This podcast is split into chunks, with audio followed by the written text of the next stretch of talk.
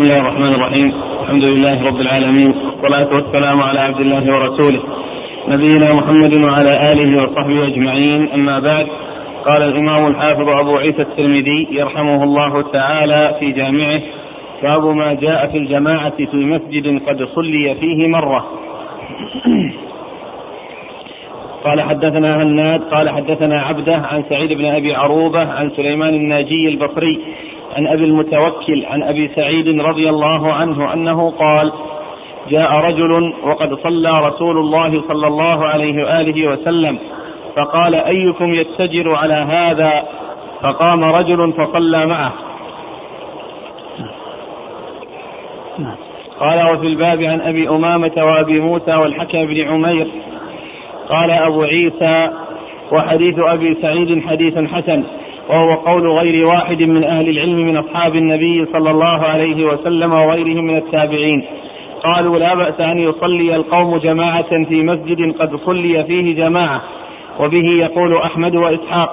وقال آخرون من أهل العلم يصلون فرادا وبه يقول سفيان وابن المبارك ومالك والشافعي يختارون الصلاة فرادا. وسليمان الناجي بصري ويقال سليمان بن الأسود وأبو المتوكل اسمه علي بن داود. بسم الله الرحمن الرحيم. الحمد لله رب العالمين وصلى الله وسلم وبارك على عبده ورسوله نبينا محمد وعلى آله وأصحابه أجمعين. أما بعد فيقول الإمام أبو عيسى الترمذي رحمه الله في جامعة باب في الجماعة. في الجماعة في مسجد قد صلي فيه مرة. باب في الجماعة قد صلي في مسجد فيه قد في مسجد قد صلي فيه مرة. أي إقامة جماعة ثانية في مسجد قد صلي فيه قد صليت فيه الجماعة. بأن يكون مسجد من المساجد يصلى فيه ويؤذن ويقام. ثم بعدما تفرغ الصلاة يأتي أناس فيصلون جماعة أخرى. هذا هو المقصود بالترجمة. وهذه المسألة فيها تفصيل. فإن كان الذين الذين الذين جاءوا يريدون أن يصلوا جماعة ثانية إن كان مقصودهم هو عدم الصلاة مع الجماعة الأولى وأنهم لا يحبون أن يصلوا معها وإنما يصلوا وحدهم ويتأخرون من أجل أن أن تنقضي الصلاة الأولى ليصلوا وحدهم هذا لا يجوز لأن هذا من التفرق ومن تفريق الكلمة ومن التنافر والتباعد بين المسلمين فهذا غير جائز. وأما إذا كان الإنسان أو جماعة جاءوا يريدون الصلاة وهم حريصون على أن يدركوا الصلاة ولكن فاتتهم الصلاة. ودخل المسجد وقد صلى الناس. فيصلوا فيصلون جماعة. ولا بأس بذلك. ولا بأس بذلك. لأنهم جاءوا للصلاة وقد فاتتهم. فيصلون مجتمعين. ولا يصلون متفرقين. وهذا هو القول الذي عليه الذي أشار المصنف إلى أن عليه قول غير واحد من أصحاب النبي صلى الله عليه وسلم وغيرهم من التابعين. والقول الآخر أنهم يصلون فرادا. وقد ورد أبو عيسى حديث آه، أبي سعيد أبي سعيد الخدري رضي الله عنه أن رجلا جاء وقد صلى الناس فقال النبي صلى الله عليه وسلم ألا رجل يتجر على هذا أي يعني يصلي معه ليحصل أجر الجماعة وليحصل فضل الجماعة في صلاته معه. فالنبي صلى الله عليه وسلم بهذا فقول النبي صلى الله عليه وسلم هذا يدل على أن الجماعة الثانية أن الجماعة الثانية يمكن وأنه لا بأس بإقامتها لكن بشرط أن يكون ألا تكون من من من القسم الأول الذي أشرت إليه وهو أنهم يريدون الفرقة ويريدون المخالفة ويريدون أن لا يصلوا مع الجماعة الأولى هذا هو الذي لا يجوز. أما كونهم يريدون الصلاة وقد جاءوا وهم حريصون على على إدراكها ولكن فاتتهم فإنهم يصلون. وهذا الحديث واضح الدلالة على هذا لأنه إذا كانت الجماعة النبي صلى الله عليه وسلم أرشد إلى وجودها وإلى تحصيلها مع واحد فاتته الصلاة ويكون ذلك عن طريق الصدقة والإحسان إليه فإذا جاء اثنان أو ثلاثة فلا يحتاجون إلى صدقة. إلى أن أحد يحصل يحسنون الجماعة بواحد يصلي معهم بل هم جماعة. بل هم جماعة فيصلون جماعة ولا بأس بذلك. وهذا وهذا القول لا شك أنه القول الصحيح وهو الذي يدل عليه هذا الدليل. ثم أيضا عموم الحديث الآخر الذي يقول فيه النبي صلى الله عليه وسلم صلاة الرجل مع الرجل خير من صلاته وحده وصلاة الاثنين يعني أفضل وصلاة الثلاثة وهكذا وكلما كان أكثر فإنه أفضل وأحب إلى الله عز وجل أو كما قال صلى الله عليه وسلم فإنه أيضا يدل يدل على ذلك فإنه يدل على ذلك. ولا شك أن تحصيل الجماعة وإدراك الجماعة إذا تحصيل الجماعة إذا فات الجماعة لا شك أنه أمر مقصود وأمر مطلوب والحديث واضح الدلالة على ذلك لأنه إذا كان الناس أراد إيجاد الجماعة ولو عن طريق الصدقة فإذا كان الناس ليسوا بحاجة إلى صدقة. وهم جماعة يعني يصلون مجتمعين ولا يحتاجون إلى أن توجد الجماعة من شخص ينضاف إليهم فإن هذا آه، لا شك أنه من أبين الأمور وأوضحها. نعم. قال حدثنا هناد. هناد وقوله يتجر يعني يتجر مقصود به يعني يحصل أجرا بكونه يصلي معه لأنه إذا صلى وحده فهو فرد وإذا صلى معه آخر فإن فإنهم يكونون بذلك جماعة وأقل الجماعة اثنان وهذا يدل على أن أقل الجماعة اثنان لأن النبي صلى الله عليه وسلم أراد أن توجد الجماعة عن طريق شاء واحد ينضم إلى هذا الذي دخل.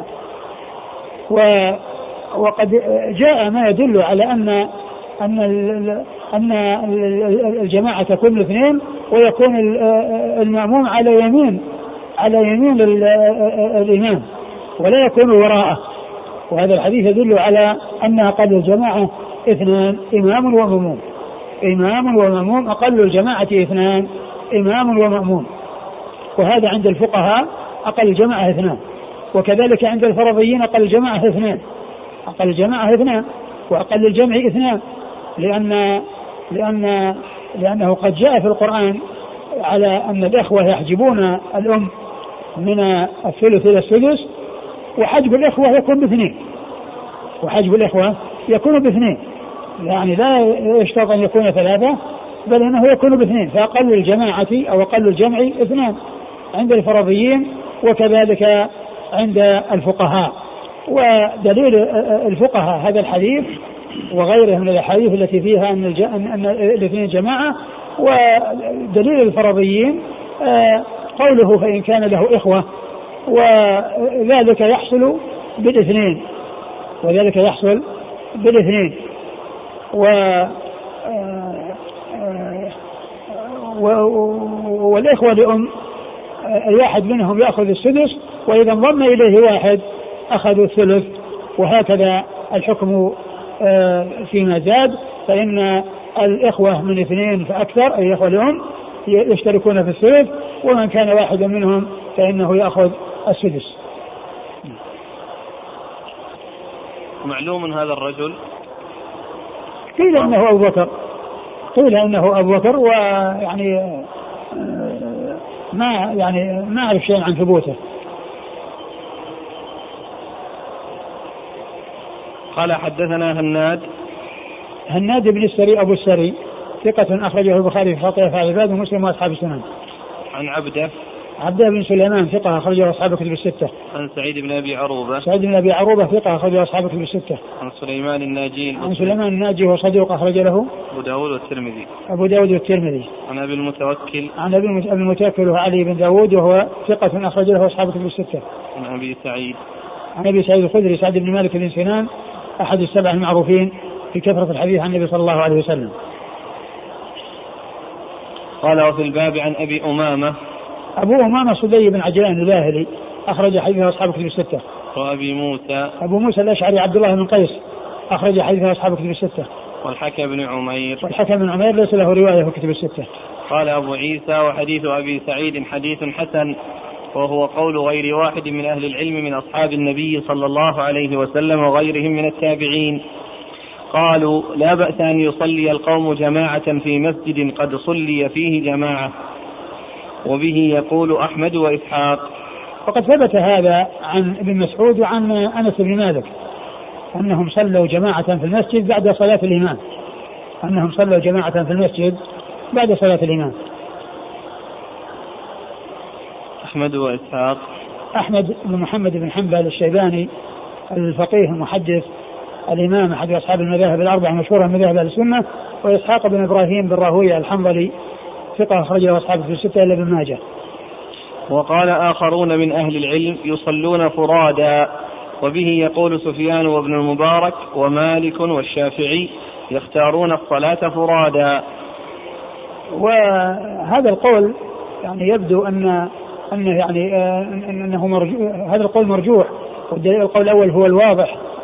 وإذا كان إذا كان جاء واحد يبحث عن أحد يتصدق عليه وإذا جاء اثنين تقال لهم كل واحد يصلي على حدة هذا هذا بعيد. نعم. سفيان الثو... سفيان. سفيان بن سعيد المسروق الثوري وهو ثقة أخرج حديث أصحاب كتب الستة. وابن المبارك. وابن المبارك عبد الله بن المبارك المروزي ثقة. أخرج أصحاب كتب الستة. ومالك ومالك إمام دار الهجرة المحدث الفقيه أحد أصحاب المذاهب الأربعة المشهورة من مذاهب السنة وحديث أخرجه أصحاب كتب الستة. والشافعي محمد بن إدريس الشافعي أحد أصحاب المذاهب الأربعة المشهورة من مذاهب السنة وحديث أخرجه البخاري تعليقا وأصحاب السنن.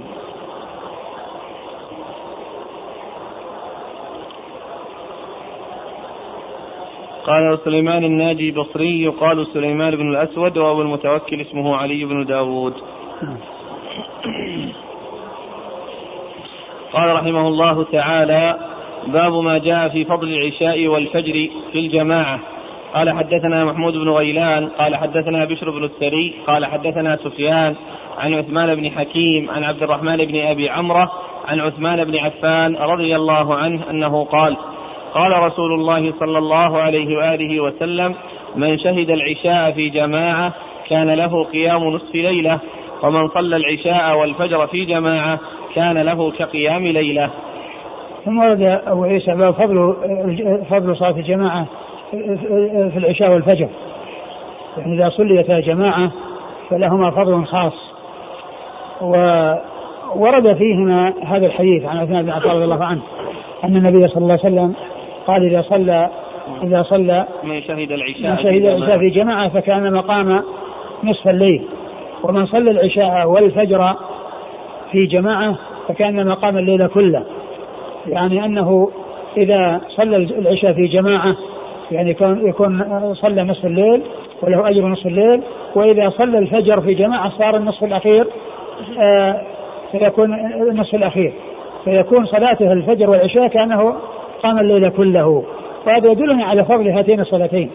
وذلك أن الصلاة الأولى التي هي العشاء تكون في أول الليل حيث يكون الناس بحاجة إلى النوم بعد التعب والنصب الذي حصل لهم في النهار. وصلاة الفجر تكون في آخر الليل في الوقت الذي طاب فيه النوم وطاب فيه الفراش وارتاح النائمون في نومهم واستغرقوا في نومهم. وقد تمكنوا في النوم واستغرقوا فيه فيكون آه، آه، فتكون في وقت آه، هذه حالهم في النوم يعني ارتياحا واطمئنانا إليه. ف فمن أداهما فكأنما قام الليل كله. أداهما جماعة وقد جاء عن النبي صلى الله عليه وسلم بيان أن المنافقين أن الصلاه الصلاه كلها ثقيله على المنافقين ولكن العشاء والفجر أثقلهما. قال عليه الصلاة والسلام أثقل الصلاة على المنافقين صلاة العشاء وصلاة الفجر. ولا يعلمون ما فيهما من أجر اتاهما لو حبوة. وهذا من الأجر الذي فيهما. وسلم أخبر بأن صلاة العشاء وصلاة الفجر كأن الإنسان قام الليل هذا أجر عظيم وثواب جزيل من الله سبحانه وتعالى. ولا يعلمون ما فيهما من أجر لا اتاهما ولا حبوة. وهذا الحديث فيه بيان ما فيه من أجر. بيان ما فيهما من أجر وأن الإنسان يعني كانما قام نصف الليل قام الليل كله. العشاء لها النصف الأول والفجر لها النصف الثاني فيكون صلاة الإنسان الفجر والعشاء العشاء والفجر يكون قد حصل هذا الأجر وحصل هذا الثواب. فهذا الحديث يدل على فضل هاتين الصلاتين. نعم. قال حدثنا محمود بن غيلان. محمود بن غيلان ثقة أخرجه أصحابه في الستة إلا أبا داود. عن بشر بن السري. عن بشر بن السري ثقة أخرجه أصحاب الكتب الستة. عن سفيان. عن سفيان الثوري. ثقة أخرجه أصحاب الكتب الستة. عن عثمان بن حكيم. عن عثمان بن حكيم. ثقة أخرجه البخاري تعليقا ومسلم وأصحاب السنة. ثقة أخرجه البخاري تعليقا ومسلم وأصحاب السنة. عن عبد الرحمن بن أبي عمرة. عن عبد الرحمن بن أبي عمرة ثقة أخرج له أصحاب الكتب. أصحاب الكتب الستة. عن عثمان بن عفان. عن عثمان بن عفان أمير المؤمنين وثالث الخلفاء الراشدين الهادين المهديين صاحب المناقب الجمة والفضائل الكثيرة رضي الله عنه وأرضاه وحديثه عند أصحاب الكتب الستة.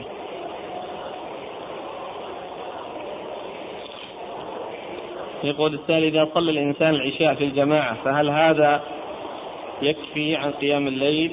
لا ما يكفي. ما يكفي. ولكن هذا زيادة في الفضل وزيادة في الثواب. ما يقال خلاص أنا صليت العشاء ما أحتاج إلى أن يصلي في الليل لأني قمت في الليل. وإنما عليه أن يحصل أجر قيام الليل وأجر والأجر الذي يترتب على صلاة العشاء.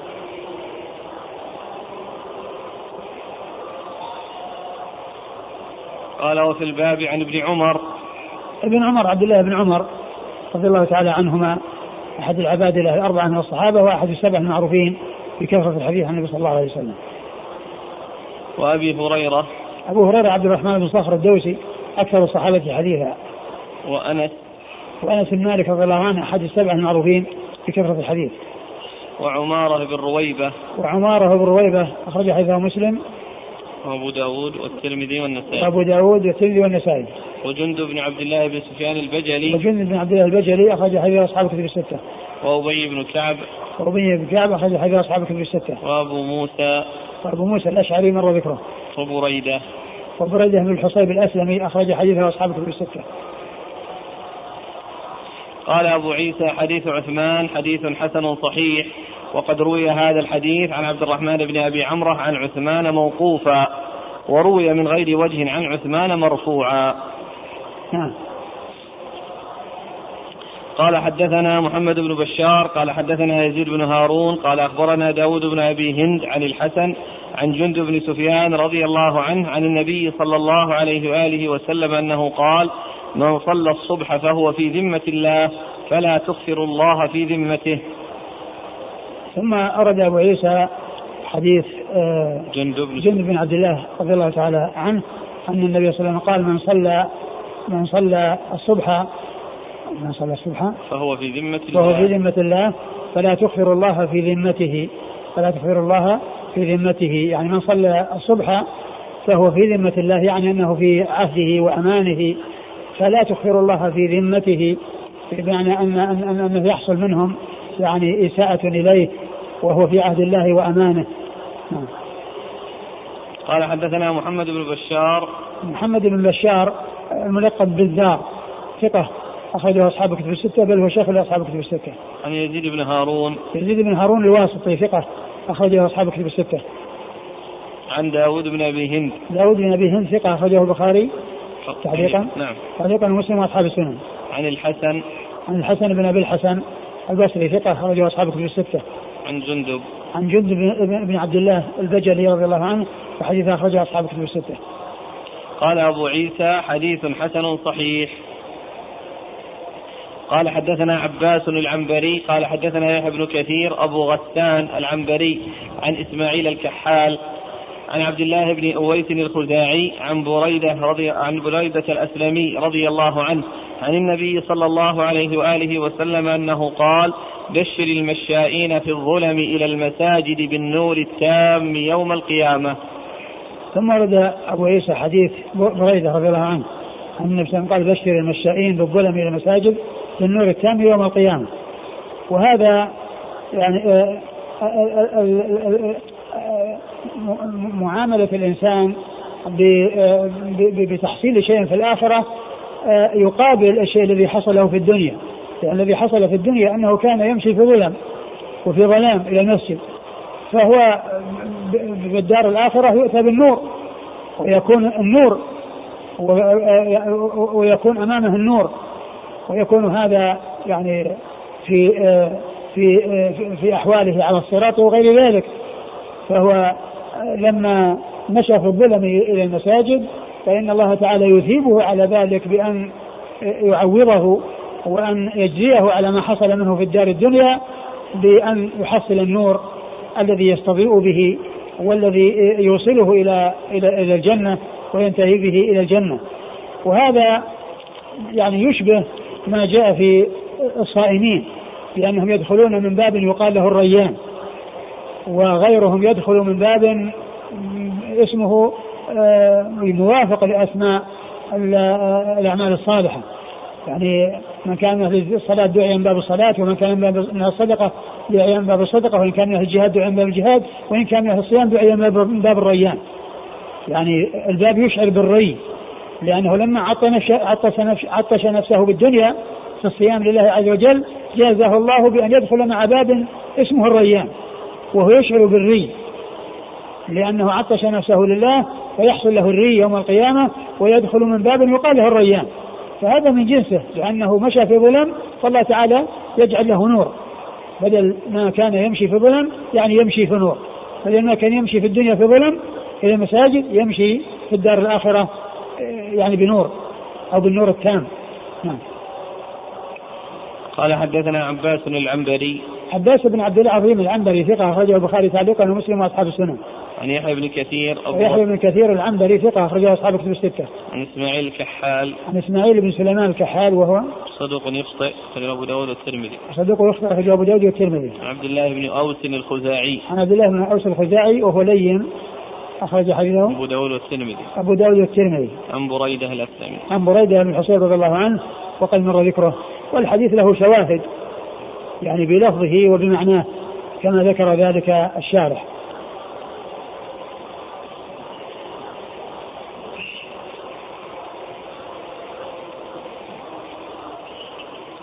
قال أبو عيسى هذا حديث غريب من هذا الوجه مرفوع هو صحيح مسند وموقوف إلى أصحاب النبي صلى الله عليه وسلم ولم يسند إلى النبي صلى الله عليه وآله وسلم.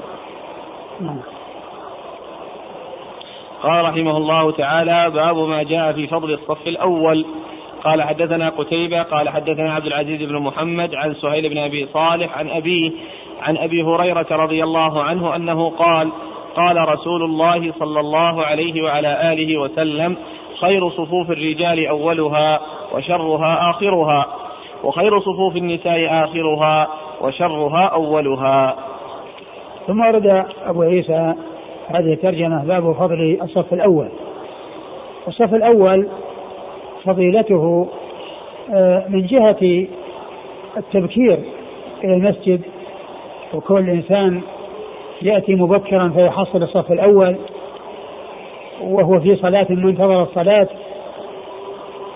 فهذا مما يترتب وكونه يعني يمكث مدة طويلة بين الأذان والإقامة ومن أسباب قبول الدعاء أو من أوقات قبول الدعاء أن يكون بين الأذان والإقامة.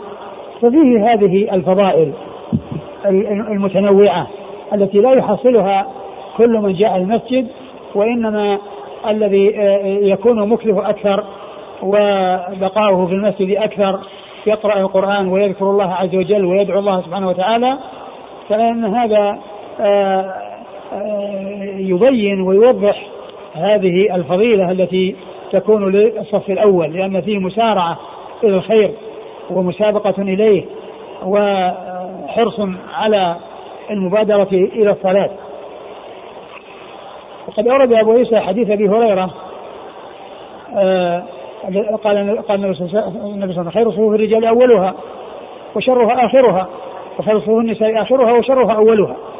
يعني فيما إذا صلت النساء مع الرجال فإن خير صفوفهن آخرها وخير صفوف الرجال أولها لما فيه من الأمور التي أشرت إليها من جهة كون الإنسان يبكر ويحصل الأجر وهو في صلاة من انتظر الصلاة ويحصل منه آه، قراءة القرآن والذكر والدعاء في هذه المدة. وأيضا يعني يكون آه، يحصل آه، هذا الوقت أو أو طول الوقت الذي هو من أوقات الإجابة. وأيضا ابتعاده عن النساء فيما إذا كانت النساء يصلين مع الرجال فإن الرجال في الصف الأول بعيدون عن النساء بعيدون عن النساء وليسوا قريبين منهن فلا يحصل لهم فتنة يعني فيهن وهم بعيدون عن الفتنة. فكل هذه الخصائص موجودة في الصف الأول وشرها آخرها يعني لما فيه من التأخر عن الصلاة وعدم المسارعة إليها ولما فيه من قرب النساء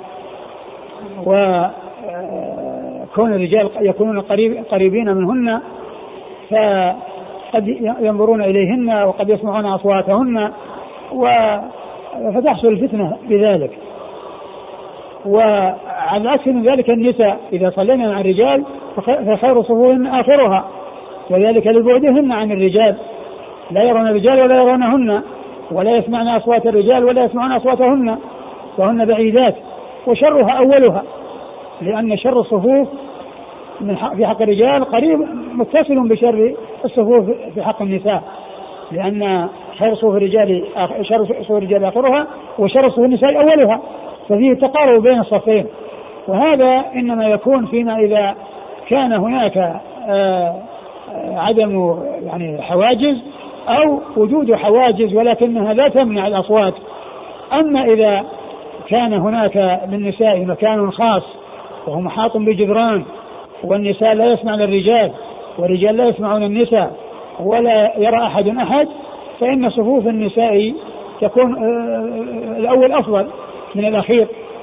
المرأة عندما تأتي والمسجد آه، والقسم خاص بالنساء ما تجلس عند الباب وتسكر الباب ويزدحمن عند الباب ويضيقن ما عند الباب وإنما يأتين الصف الأول لأن المحذور الذي يخشى قد زال من جهة أن هناك جدران تفصل بين الرجال والنساء لا يسمعون أصواتهن ولا يعني يرى أحد أحد ولا يسمع صوت الرجال يسمع النساء والنساء لا يسمع الرجال فعند ذلك تكون صفوف النساء أولها يعني أفضل من آخرها وكذلك أيضا إذا صلينا وحدهن جماعة فإن خير فإن الصف الأول أفضل من الأخير ولكن محذور فإذا إذا كنا مع الرجال وكان هناك.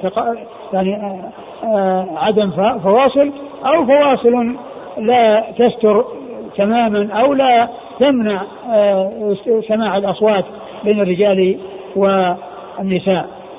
نعم.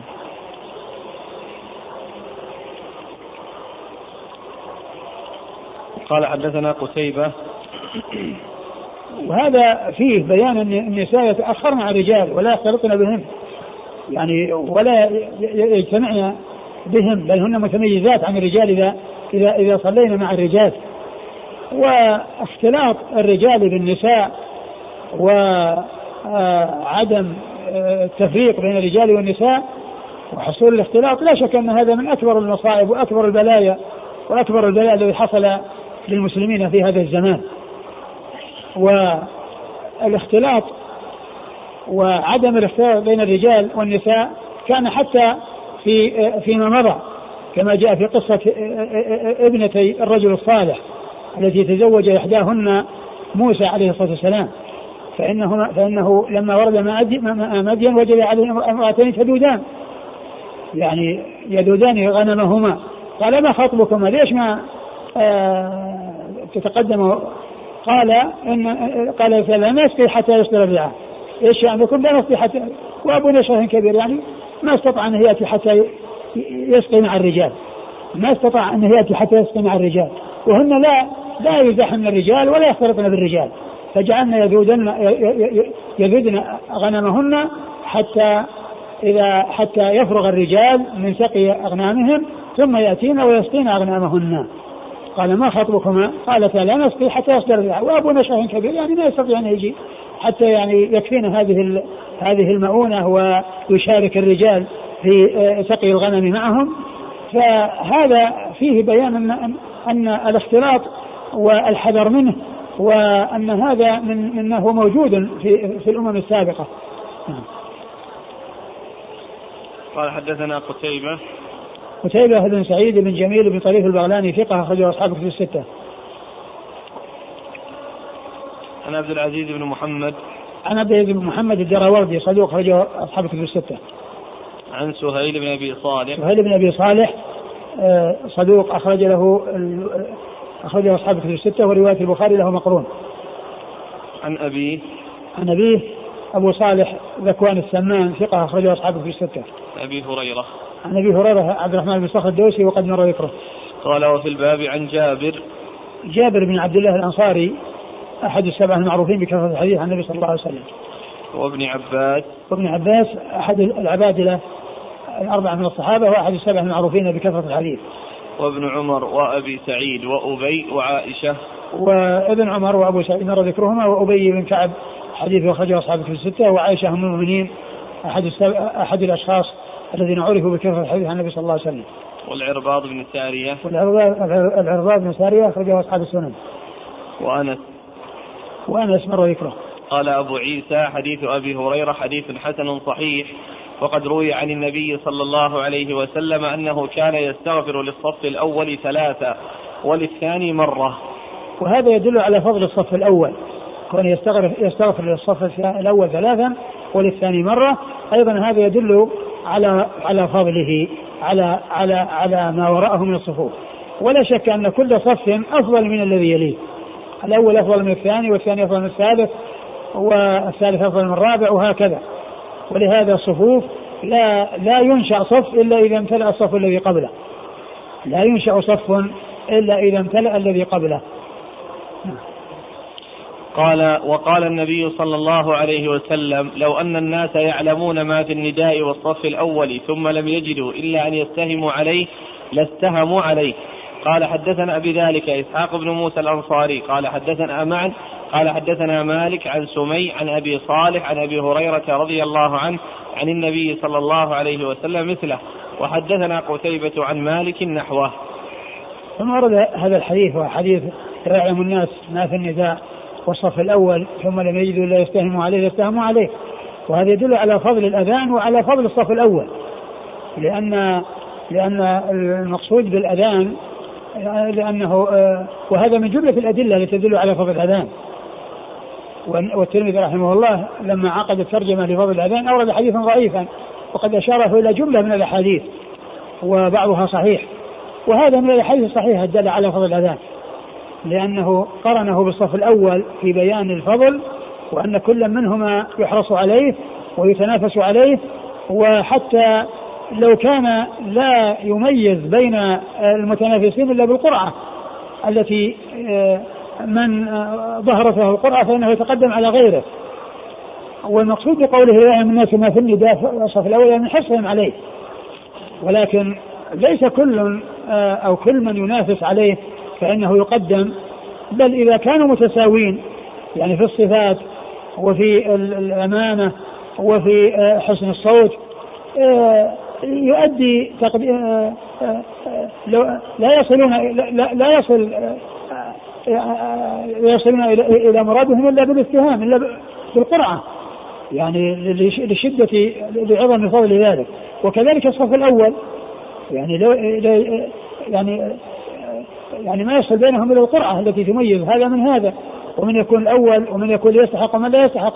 ولذلك والقرعه هي آه، آه، عندما يتساوى الناس ويعني يراد أن يقدم بعضهم على بعض عند ذلك تعمل القرعه ومن خرج في القرعه فإنه يقدم.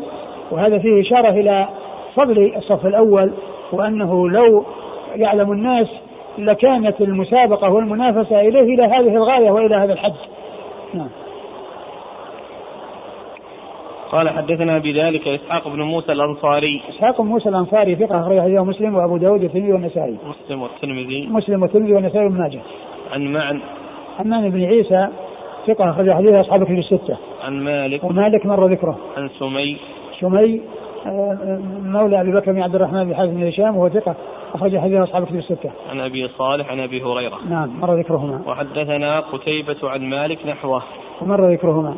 قال رحمه الله تعالى باب ما جاء في إقامة الصفوف قال حدثنا قتيبة قال حدثنا أبو عوانة عن سماك بن حرب عن النعمان بن بشير رضي الله عنهما أنه قال كان رسول الله صلى الله عليه وعلى آله وسلم يسوي صفوفنا فخرج يوما فرأى رجلا خارجا صدره عن القوم فقال لتسون صفوفكم أو ليخالفن الله بين وجوهكم.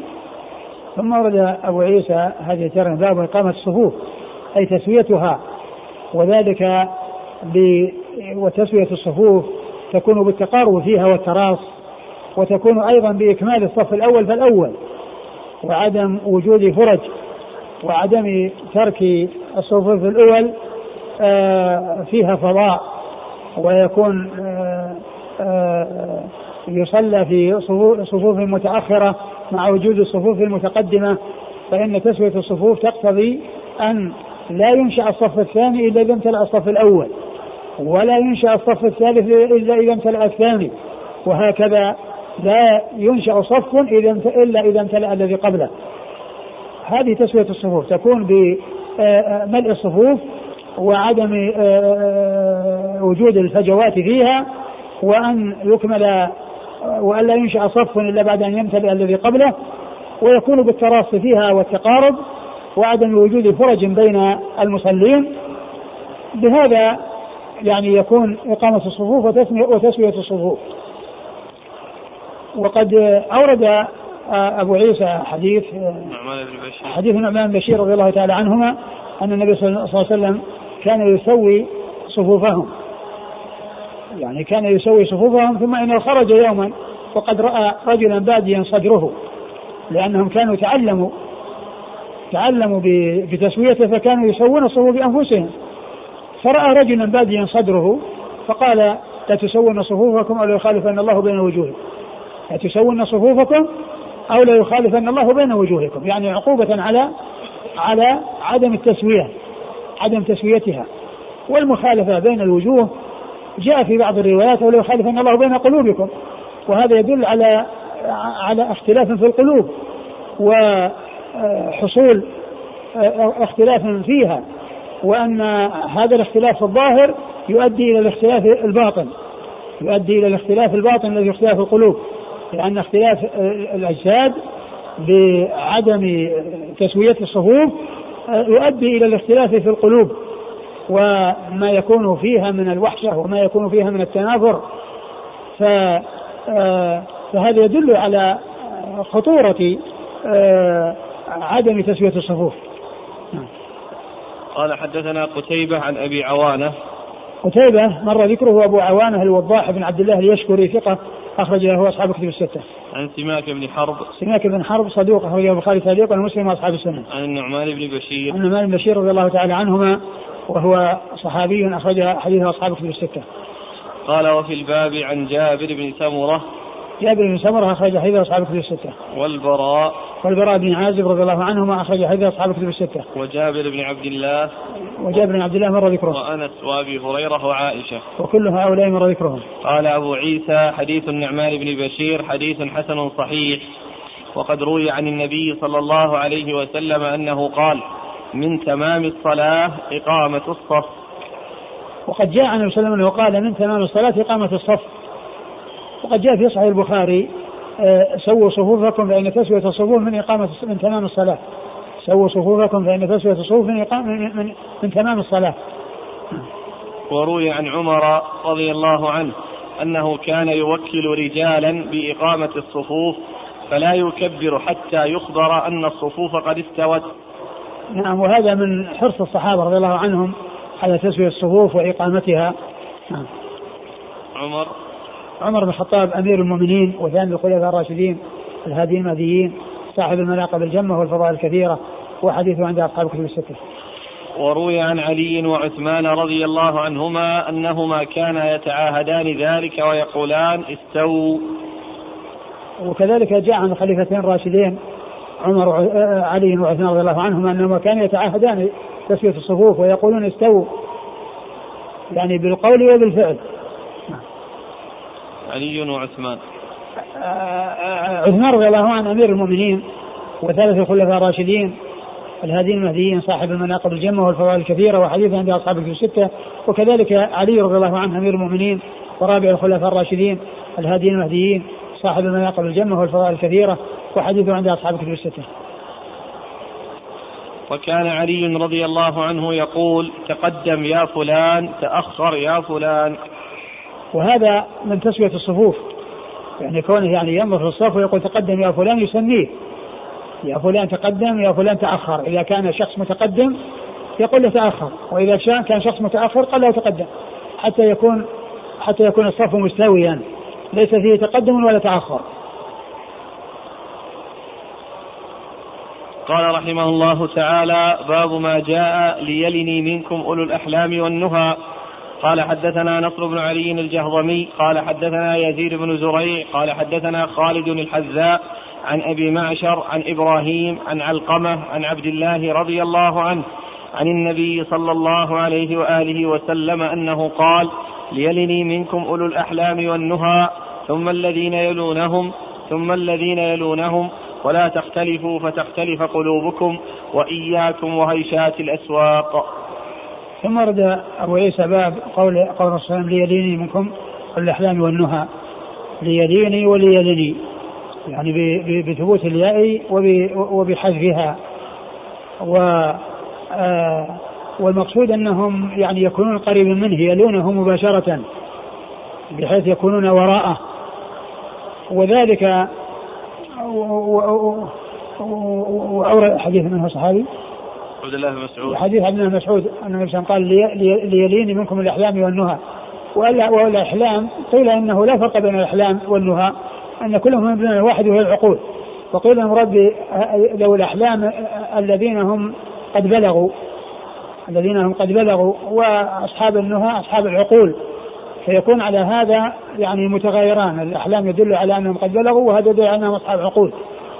و وقيل إنهم بمعنى واحد لأن الأحلام هي العقول. أم تأمرهم أحلامهم بهذا؟ إن في ذلك إن في ذلك آه آية لاولي النهى أي العقول النهى العقول والأحلام هي العقول. وقد يكون المترادفين وقد يكون آه كل واحد من له له معنى. فيكون العطف بين يعني متغايرين لكل واحد معنى.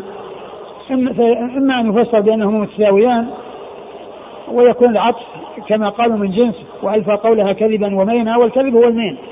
فلما تغير اللفظ جاء التعاطف بينهما لأن اللفظ متغاير. أو أن لكل واحد منهما معنى فيفسر بأصحاب الأحلام بأنهم بالغون وأولئك بأنهم العاقلون. وفائدة ذلك أي كونهم يعني يصير وراءه الأحلام والنهى يعني ليعقلوا عنه الكيفية كيفية الصلاة صلاة صلى الله عليه وسلم لأنهم يكونوا وراءه فيعرفون كيف يصلي فيعقلون يعقلون ذلك ويخبرون به. وأيضا ليفتحوا عليه إذا حصل يعني احتاج إلى فتح في الصلاة ولينوب عنه من ينوب ممن يصلح للنيابة إذا حصل شيء في أثناء الصلاة يقتضي أن الإمام ينصرف ثم يصلي ثم ينوب عنه غيره. فكل هذه الفوائد تحصل بوجود آه، هذا الصنف من الناس وهذا النوع من الناس. وفي بعض الروايات ليلن المهاجرون والأنصار يعني اللي هم الكبار والمقدمون آه، على غيرهم من الصحابة رضي الله تعالى عنهم وأرضاهم. ثم الذين يلونهم أي الذين هم يعني يلونهم في المنزلة وهكذا. و ولا تختلفوا ثم الذين يلونهم ثم الذين يلونهم ولا تختلفوا فتختلف قلوبكم. ولا تختلفوا فتختلف قلوبكم. لأن اختلاف الظاهر يؤدي إلى اختلاف الباطن. نعم.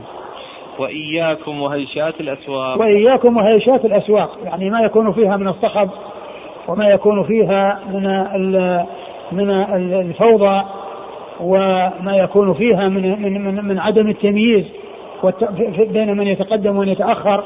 لأن الأسواق يختلط فيها آه، كل أحد. فلا يتميز أحد عن أحد ولا يتقدم آه، ولا يكون فيها تقدم وتأخر بل اختلاط آه، الرجال مع النساء والصبيان وال وأصحاب اللغط وأصحاب الهدوء وأصحاب السكينة كل هذا فلا تكون فلا والمعنى أنه لا يكون الناس في المسجد وصفوفهم أنهم على هذه الطريقة التي تكون في الأسواق. وإنما يكون بهذا الذي أشار إليه النبي صلى الله عليه وسلم أنه يليه اولي الأحلام والنهى ثم الذين يلونهم ثم الذين يلونهم أو يكون المعنى أن المساجد لا يصلح أن تعامل معاملة الأسواق وأن يكون فيها شيء من اللغط وشيء من ارتفاع الأصوات بل وإلا الاشتغال بذكر الله عز وجل وقراءة القرآن ويكون لها تميز عن الأسواق. قال حدثنا نصر بن علي الجهضمي. نصر بن علي ابن نصر بن علي الجهضمي ثقة أخرج أصحاب في الستة. عن يزيد بن زريع. يزيد بن زريع ثقة أخرج أصحاب في الستة. عن خالد الحذاء. خالد الحذاء الحذاء خالد بن مهران الحذاء وهو ثقة أخرج أصحاب في الستة. عن أبي معشر. عن ابن معشر زياد بن كليب وهو ثقة أخرج له. مسلم وأبو داود والترمذي والنسائي. مسلم وأبو داود والترمذي والنسائي. عن إبراهيم. عن إبراهيم بن يزيد بن قيس النخعي ثقة أخرجه أصحابك في الستة. عن علقمة. عن علقمة آه، آه، آه، بن يزيد بن قيس وهو ثقة أخرجه أصحابك في الستة. علقمة بن قيس. علقمة بن قيس وهو ثقة أخرجه أصحابك في الستة. عن عبد الله. عبد الله بن مسعود الهذلي أخرجه أصحابك في الستة. قال وفي الباب عن أبي بن كعب وأبي مسعود. أبي بن كعب مر ذكره وأما أبو مسعود فهو عقبة بن عمرو الأنصاري البدري صحابي أخرجه أصحابك في الستة. وأبي سعيد والبراء وأنس.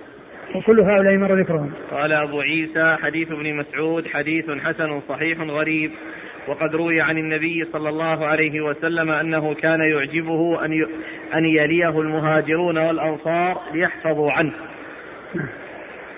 قال وخالد الحذاء هو خالد بن مهران يكنى أبو المنا أبا المنازل.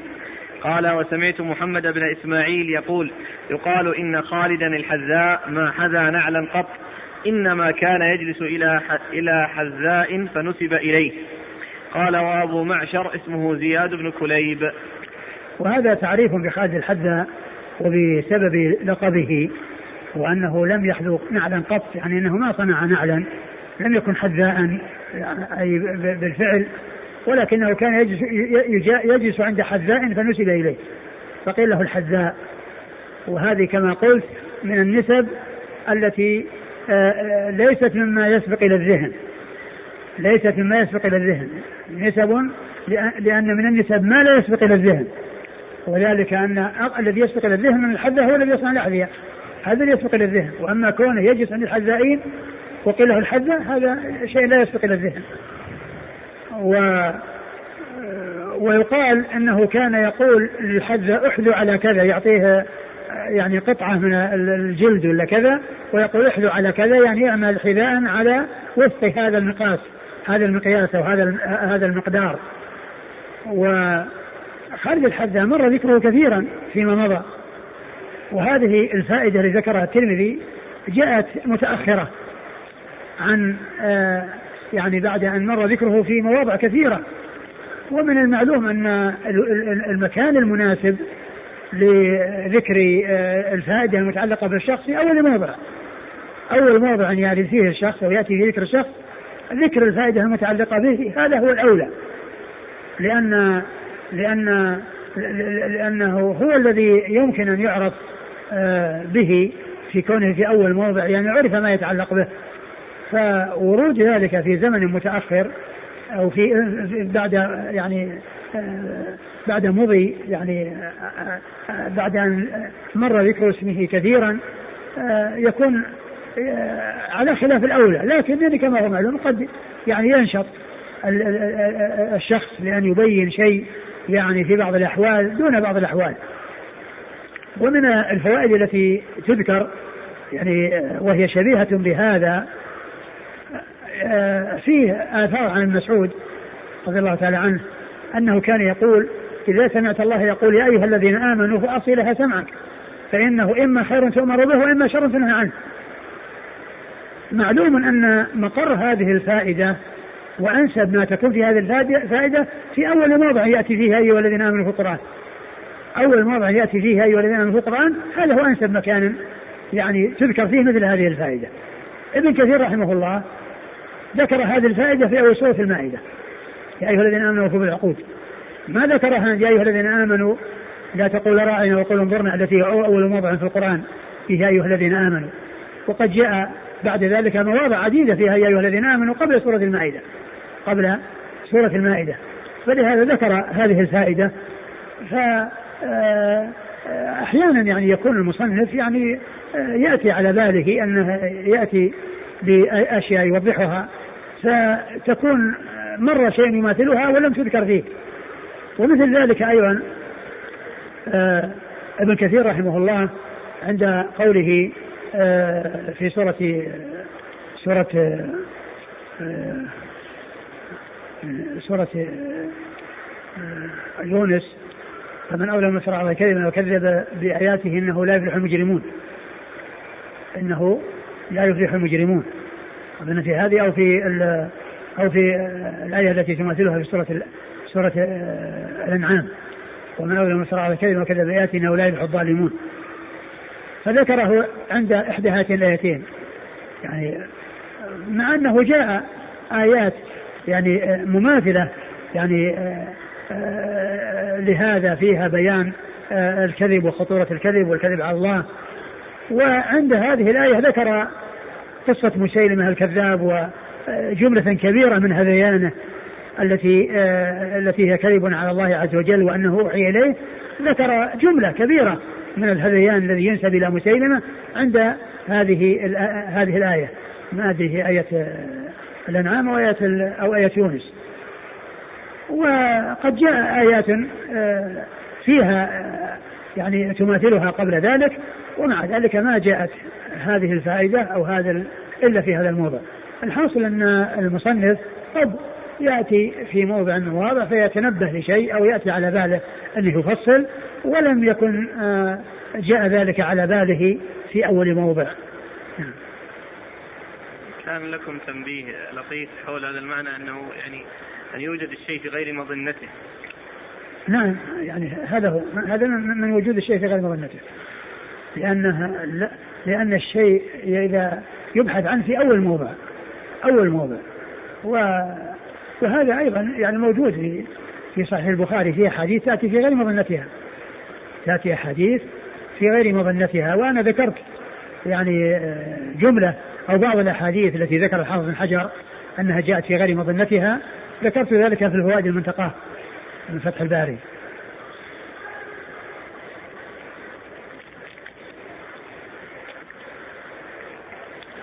قال سمعت محمد بن إسماعيل. محمد بن إسماعيل البخاري أمير المؤمنين في الحديث صاحب الصحيح. نعم. قال رحمه الله تعالى باب ما جاء في كراهية الصف بين السواري. والله تعالى أعلم وصلى الله وسلم وبارك على أبي ورسوله محمد وعلى آله وأصحابه أجمعين.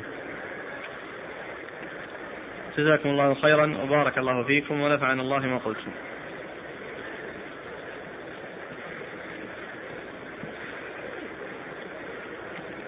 يقول الأخ أرجو عرض هذا على الشيخ. آه الذي يظهر لي أن الترمذي إنما أتى بهذه الفائدة هنا إشارة إلى أنه لم يكن حذاء حتى يفوته الصف الأول لأن من طبيعة أصحاب الصناعات أن لا يغلقوا متاجرهم إلا حين يناد ينادي المؤذن. ولا شك أن الصف يفوت بذلك. والله ما أقول ما يعني هذا أقول هذا الاستنباط هذا. هذا لا يسبق إلى الذهن.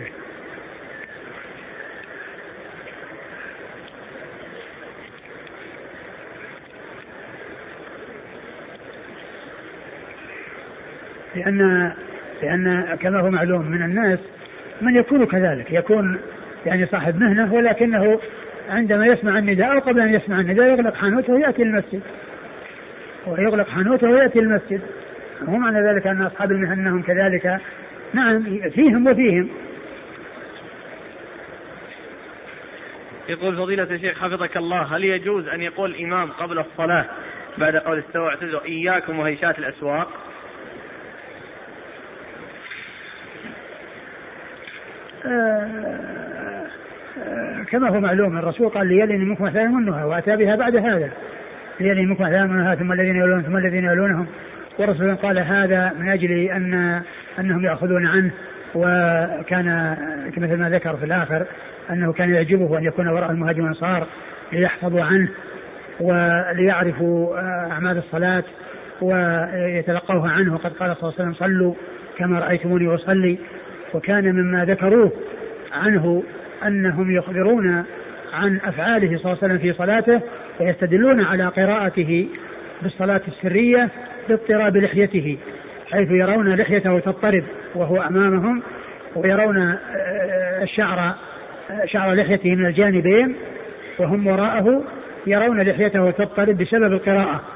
قالوا فهذا يدل على أنه كان يقرأ في الصلاة السرية أنه كان يقرأ في الصلاة السرية يعرفون ذلك باضطراب لحيته. عرفوا ذلك لكونهم وراءه. فمعلوم أنهم إذا كان وراءه يعني آه، أصحاب التميز وأصحاب كذا أنهم يتلقون عنه السنن لأنه هو هو المبلغ عن الله عز وجل وهو الذي قال صلوا كما رأيتموني يصلي. فإذا كان وراءه ناس لا يتقنون أو ناس يعني صغار لا يعني يحصل منهم الفهم التام مثل ما يحصل لغيرهم لا يتأتى لهذا. وقد قيل إن هيشات الأسواق أنها يعني المقصود منها بعد هذه الأحاديث انها هي التي يكون فيها الاختلاط فإذا كان الناس ليسوا على هذا الترتيب الذي قاله النبي صلى الله عليه وسلم فإنه يشبهون هيشات الأسواق. والإنسان لا لا يقول لا يقول الإمام ليلين منكم الأحياء منها ثم الذين يلونهم ثم الذين يلونهم لا يقول هذا الإمام.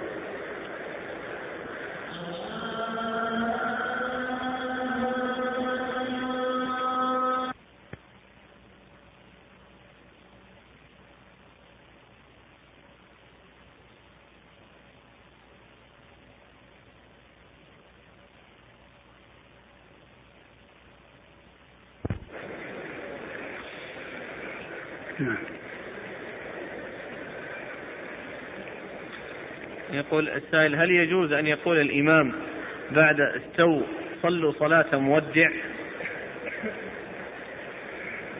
الذي ينبغي أن الإنسان آه، يقتصر على على على على ما جاء ولا يأتي بمثل هذا الكلام ولا يحتاج إلى أن يأتي بمثل هذا الكلام لأني ما أعرف دليل يدل عليه.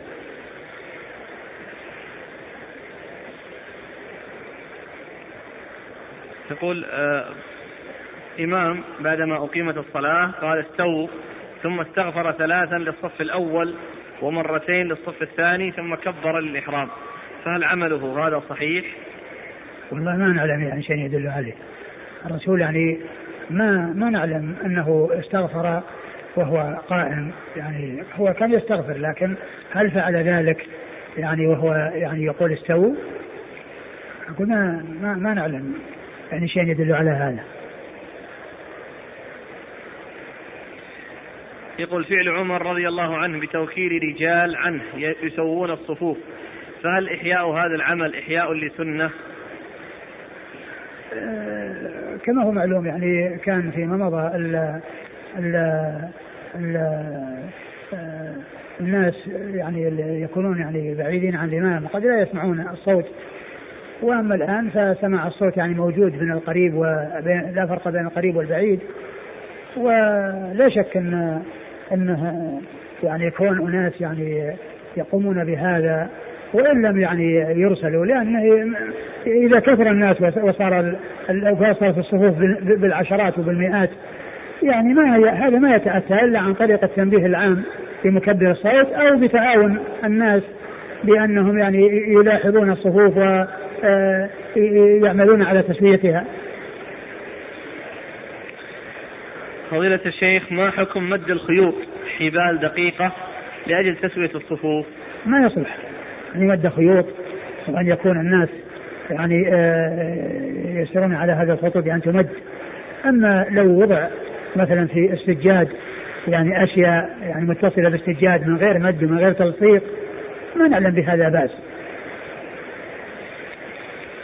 هذا حديث آه، بالنسبة لقولك لقول من سمع المنادي وأنا أشهد أن لا إله إلا الله. يقول فضيلة الشيخ حفظك الله أخرج أبو عوانة في مسنده قال حدثنا الربيع بن سليمان قال حدثنا شعيب بن الليث قال حا وحدثنا الصاغاني ومحمد بن عامر قال حدثنا يحيى بن إسحاق السالحيني قال حدثنا الليث بن سعد عن عن الحكيم بن عبد الله بن قيس عن عامر بن سعد عن سعد بن أبي وقاص رضي الله عنه أنه قال قال رسول الله صلى الله عليه وعلى آله وسلم من سمع المؤذن قال وقال ابن عامر من قال حين يسمع المؤذن أشهد أن لا إله إلا الله قال أشهد أن لا إله إلا الله رضيت بالله ربا وبالإسلام دينا وبمحمد نبيا. وقال ابن عامر رسولا غفر له ما تقدم من ذنبه وما تأخر. فقال له رجل يا سعد بن يا سعد بن أبي وقاص وقال ابن عامر فقيل له يا سعد ما تقدم من ذنبه وما تأخر؟ قال هكذا سمعت رسول الله صلى الله عليه وسلم يقول. يقول الأخ ألا يدل هذا على أن الذكر يقال عند التشهد وليس بعد الفراغ من الأذان؟ ويؤيد هذا ما جاء عند الطحاوي أيضا وهو مثل حديث الترمذي إلا أن فيه زيادة من قال حين يسمع المؤذن يتشهد. هذا هو الذي يبدو أنه عند عند أشهد لا إله إلا الله أشهد أن محمد رسول الله. لأن قوله أنا أشهد لأن هذا مناسبته. عند أشهد. أشهد أن لا إله إلا الله وأنا أشهد أن لا إله إلا الله. رضيت بالله ربا وبالإسلام دينا. فكونه يتابع في هذا المكان هو الأولى. وبعض أهل العلم قال إنه يكون في الآخر بعد يعني لا إله إلا الله. وقال إنه لو أتي به قبل ذلك يعني احتمل أن ينشغل به عن المتابعة في ما وراء ذلك. ونعم معلوم أنه لا لا ينشغل. أقول لا يحصل به انشغال عن المتابعة فيما وراءه. فالأقرب أنه عند التشهد ولهذا قال يعني في لأن فيه أشهد. وأما في الآخر ما فيه أشهد ما فيه إلا لا اله, لا إله إلا الله. يقول حفظك الله إذا تصدق شخص على آخر بالصلاة معه فهل يمكن أن تنوب هذه الصلاة مكان نافلة؟ نافلة لتلك الصلاة للإنسان المتصدق؟ إيش؟ إيش؟ إذا أما صدق إنسان بآخر فهل يمكن أن ينوي بهذه الصلاة أنها السنة مثل البعدية؟ والله يعني كونه أقول كونه يأتي بالسنن يعني كما هي. ولا يعني آه، ويجعل هذه مستقلة يعني يبدو أن, أن هذا هو الأولى. يعني ما يعني يعني يدخل شيء في شيء لأنه يعني آه، كما هو معلوم هذه قد يعني يصلي قد يصلي أربع. يعني آه، يعني في السنة البعدية اثنتين أو أربع يعني كما هو معلوم بالنسبة ل, ل والسنة البعدية للعشاء اثنتين العشاء اثنتين فالذي يبدو أن هذه ما لها علاقة بالسنن وإنما يأتي بالرواتب آه، دون هذه التي صدق بها على غيره. فضيلة الشيخ إذا صلى شخص قد صلى مع آخر آه، لم يصلي فمن يكون الإمام؟ يصلح أن يكون كل واحد منهما إمام. يعني سواء يكون المتصدق المفترض أو المتنفل لأن صلاة المفترض خلف المنفل صحيحة وصلاة المتنفل خلف المفترض صحيحة. صلاة المفترض خلف المتنفل دليلها فعل فعل معاذ آه، كان يصلي مع صلى ثم يذهب إلى قوم يصلي صلاة وهو متنفل وهم مفترضون وصلاة المتنفل آه، آه، المتنفل وراء المفترض دليلها قصة الذين صلوا في مسجد الخير. الذين جاءوا في مسجد الخير والنبي قال فصلي معك كلكم نافله والمتنفل خلف مفترض صلاة متنفل خلف مفترض فكون الإمام متنفل أو مفترض كل ذلك جائز. يقول السائل فضيلة الشيخ اعتاد الناس في بلدنا على أنهم إذا لم يدركوا صلاة الجماعة لم يقيموا جماعة جديدة كما نراه في هذا البلد. وإنما يأتمون بالمسبوقين الذين فاتتهم ركعة فما فوق. هل هذا الفعل صحيح؟ وهذا جائز. يعني يكون الانسان يأتم بمسبوق جائز. لكن كونهم يعني يصلون جماعة اولى من كونه يأتي ويتم بمسبوق.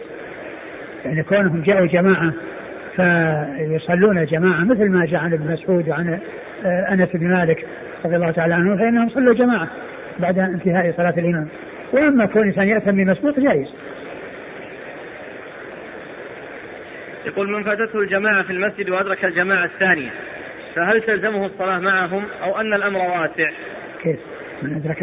من فاتته الجماعة الأولى وجاء وجد جماعة ثانية قائمة دخوله في الجماعة الثانية واجب أو له الحق أن يصلي بالانفراد فالأمر واسع؟ لا لا, لا الذي ينبغي له أن يصلي مع الجماعة الذي ينبغي له أن يصلي مع الجماعة لأن كونه يصلي مع الجماعة خير من صلاته وحده ولهذا الرسول صلى الله عليه وسلم أرشد يعني هذا الذي يصلي مع إنسان يتوجد له جماعة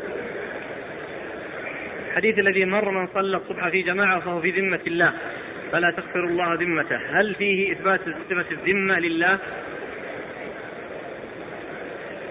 آه، قضية قضية كون هذا من الصفات يعني ما ما ما يظهر لي فيه أن أن هذا من صفات الله. وما يظهر أنه من الصفات.